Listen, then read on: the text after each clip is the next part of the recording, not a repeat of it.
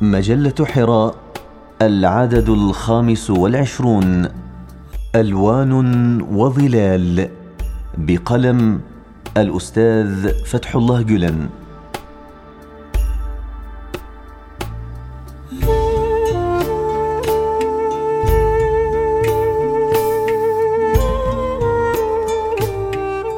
نحن مسؤولون.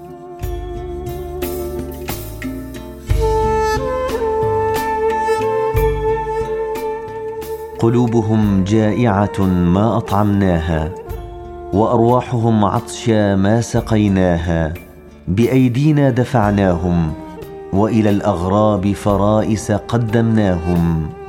الدنيا على ألسنتنا دائرة سلمناها إنسانيتنا ومنحناها وجودنا فماذا إذا ننتظر؟ وكيف لا نتيه في طريق لا نعرف إلى أين ينتهي بنا.